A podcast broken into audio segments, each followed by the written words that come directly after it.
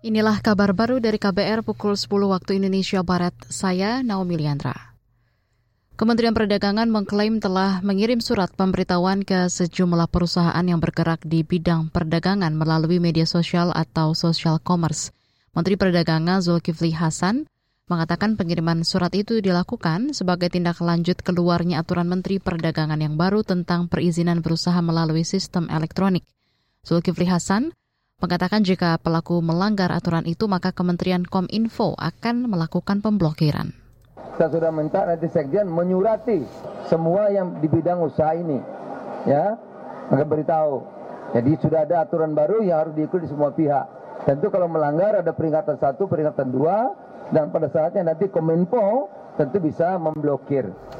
Saudara, pekan ini pemerintah mulai melarang platform media sosial digunakan untuk transaksi jual beli atau social commerce. Pelarangan dilakukan lantaran platform perdagangan melalui media sosial itu berdampak buruk pada pasar usaha mikro, kecil, dan menengah UMKM dalam negeri. Kita ke Jawa Tengah. Kepolisian Cilacap menetapkan dua orang anak sebagai tersangka kasus perundungan atau bullying terhadap siswa sebuah SMP negeri di daerah itu. Kapolresta Cilacap, Vanki Ani Sugiharto, mengatakan dua anak itu kini ditahan di kepolisian. Ia memastikan proses pemeriksaan anak-anak itu didampingi keluarga.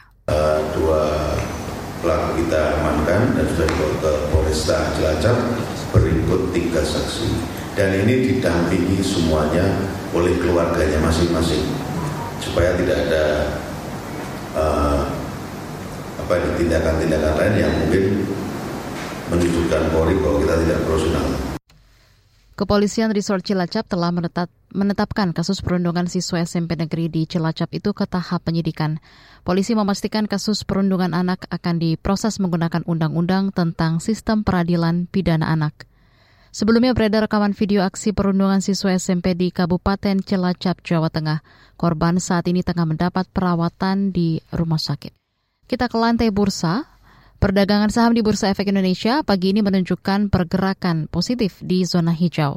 Indeks harga saham gabungan IHSG di akhir pekan ini dibuka di posisi 6.937.828. Dikutip dari RTI Bisnis, IHSG bergerak positif dengan penguatan di kisaran 0,50 persen dan sempat menyentuh posisi tertinggi di level 6.978.593. Pergerakan bursa efek di kawasan Asia bergerak bervariasi.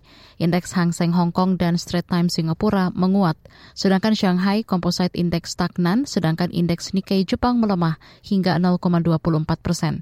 Penguatan juga terjadi pada nilai tukar rupiah. Pagi ini rupiah diperdagangkan di posisi 15.477 rupiah per dolar Amerika Serikat atau menguat sekitar 0,57 persen. Penguatan rupiah itu tidak lepas dari nilai tukar dolar Amerika yang melemah terhadap sebagian besar mata uang dunia pada Kamis waktu setempat. Pelemahan dolar tidak lepas dari langkah Senat Amerika yang terus melanjutkan rencana perjanjian pendanaan sementara yang kemungkinan mendapat penolakan dari Partai Republik di DPR Amerika. Demikian kabar baru dari KBR, saya Naomi Liandra.